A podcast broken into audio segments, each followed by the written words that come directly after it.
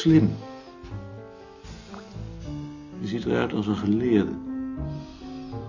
Hoe gaat het nu, meneer Beerta? Mm.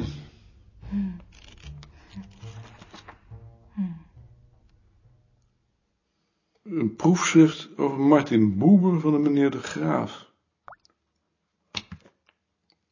Lees je dat? Hij is een Wat? Hij is de man van de leer. Onbegrijpelijk. Hij is de man van de leer. Ehm, kun je nog tikken? Ja. Wacht even, het lint geeft geen inkt meer af. Kun jij niet een nieuw lint voor me inzetten, nu Nijhuis er niet is? Kunt u dat zelf niet? Nee, daar ben ik niet technisch genoeg voor.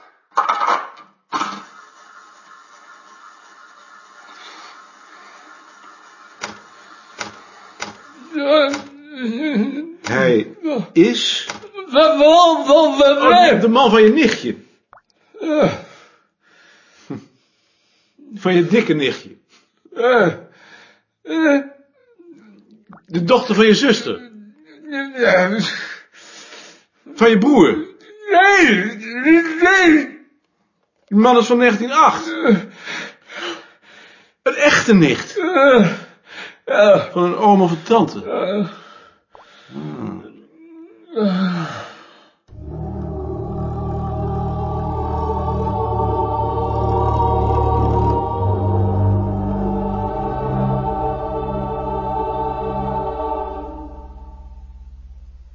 Gossenhout, wil jij de vergadering ook voorzitten? Nee, alsjeblieft, ik, ik ben maar jullie gast.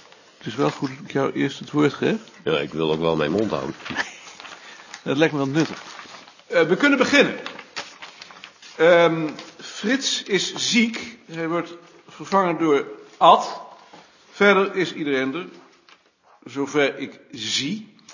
Ehm, meneer Goslinga heeft gevraagd of hij de vergadering mag bijwonen. Hij kan dan ook het standpunt van het hoofdbureau toelichten.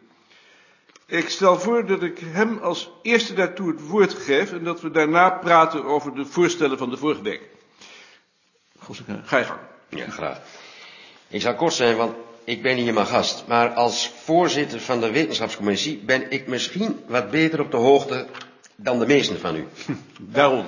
Ja. Ik weet bijvoorbeeld dat men zich op het hoofdbureau, net als wij, grote zorgen maakt over de bezuinigingen. Het vertrek van de directeur had wat dat betreft niet op een ongelukkige ogenblik kunnen komen. Het maakt het Beta-instituut extra kwetsbaar. Ik weet ook dat ze zich op het departement wel eens afvragen wat eigenlijk de bestaansgrond van het Beta-instituut is. Op buitenstaanders maakt het wel eens de indruk van een groepje hobbyisten. Ik, ik zeg niet dat dat terecht is, maar het maakt op sommigen die indruk, terecht of ten onrechte. Dat is ook de reden dat meneer Holtzappel in de wetenschapscommissie verschillende keren heeft aangedrongen op een grotere samenhang in de onderzoeksprogramma's van de verschillende afdelingen. Waar toen nogal wat weerstand tegen was. Ja, ten onrechte denk ik, want het was een signaal. Als het Beerta-instituut niet meer is dan een conglomeraat van onderzoeken, dan maakt het zich bij de komende bezuinigingen heel kwetsbaar. Dat speelt op de achtergrond mee. In die zin heb ik de opmerkingen van meneer Holtzappel tenminste altijd begrepen. Zo kun je ze in ieder geval uitleggen. En in dat licht moet u ook dat plan van dat symposium zien. Het zou goed zijn als juist bij het aftreden van de oude directeur en het aantreden van een nieuwe in het openbaar aandacht werd besteed aan wat de afdelingen met elkaar verbindt. Dat zou ook op het departement een goede indruk maken.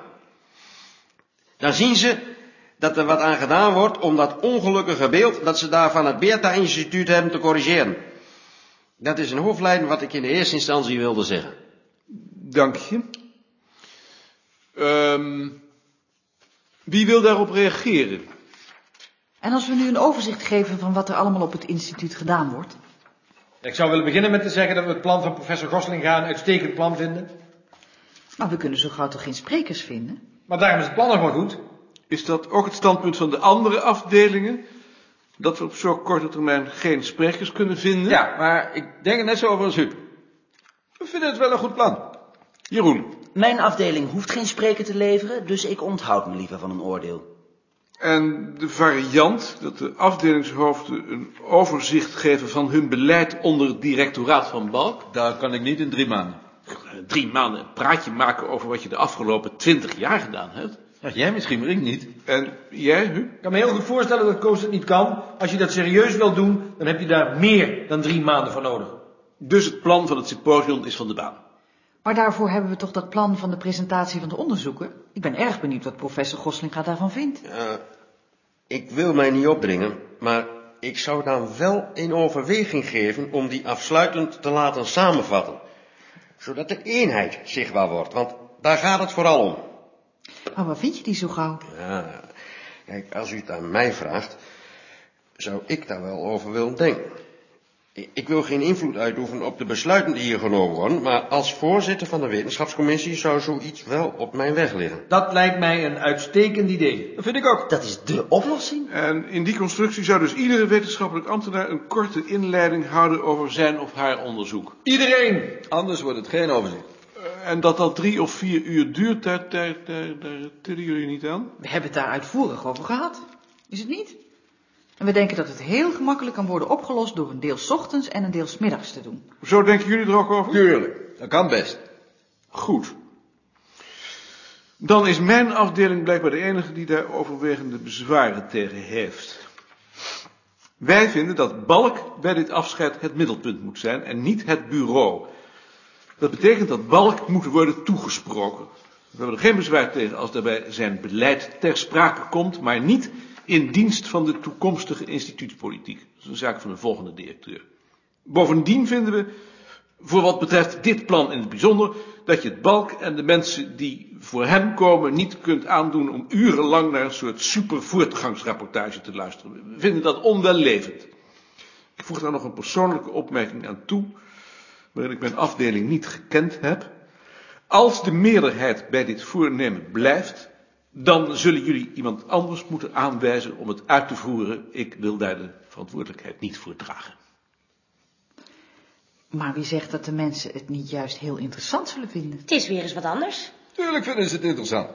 Ik zou het ook interessant vinden. Ze hoeven toch ook niet alles interessant te vinden? Ik moet eerlijk bekennen dat dit me te defetistisch is. Hè? We zullen er mijns inziens van moeten uitgaan dat ons werk wel interessant is, anders ondergraven we onze positie. Daar denk ik dus anders over. Ik stel voor dat we nu eerst gaan koffie drinken en dat we dan hier terugkomen en dan een beslissing nemen.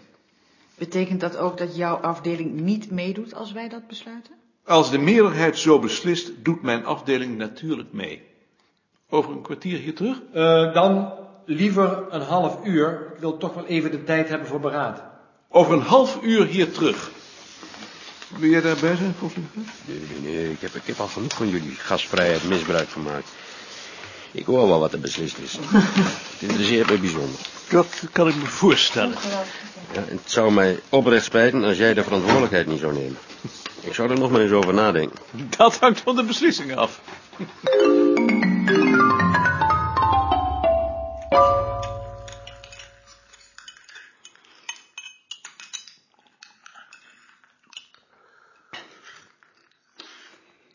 Denk je dat ze nog op hun beslissing terugkomen?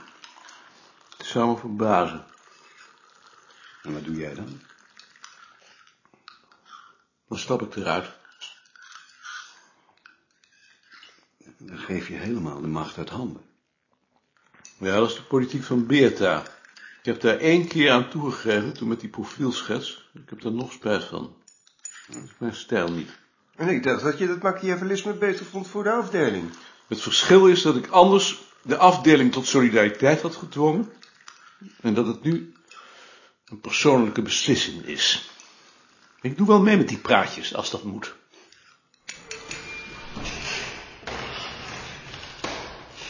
Ehm, we moeten dus kiezen uit twee mogelijkheden. Eén, de presentatie van het lopende onderzoek met een afsluitende samenvatting. En twee, een conventioneel afscheid met een paar sprekers. Wie is er voor één?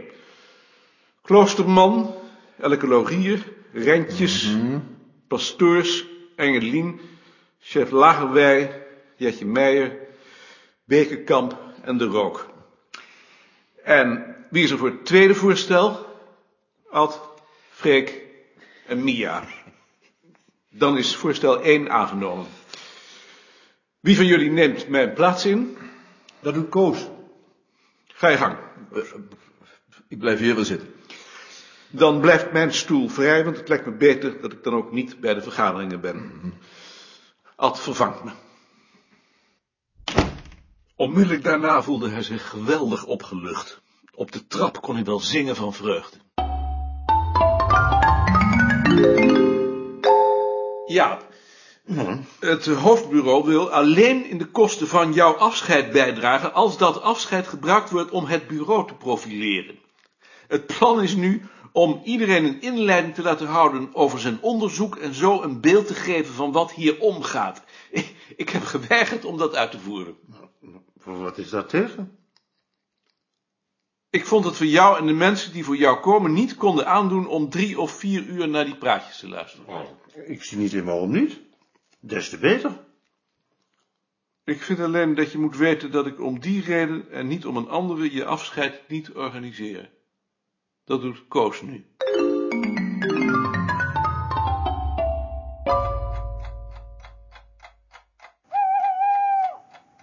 Hij deed voorzichtig zijn ogen open.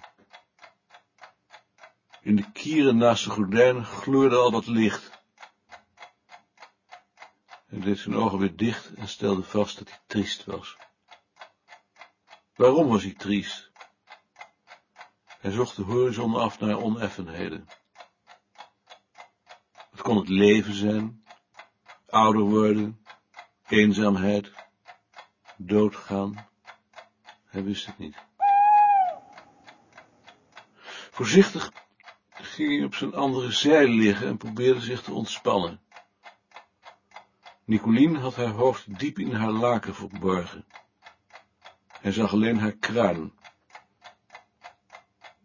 Hij luisterde en verbeeldde zich dat hij Josephine hoorde snorren, blij dat hij wakker geworden was. Maar op hetzelfde ogenblik meende hij zich te herinneren dat Nicolien haar op de gang gelaten had. Hij opende zijn ogen opnieuw en tuurde door de klamboe naar de stoel, maar hij kon niet zien of ze daar lag. Hij was er haast zeker van dat ze daar lag te snorren. Maar omdat hij er toch niet achter kwam, gaf hij het op. Ben je daar, jongen? Waar ben je al die jaren toch geweest? Hij lag roerloos en wachtte. Waarom was hij zo vaak triest als hij wakker werd? Hij luisterde.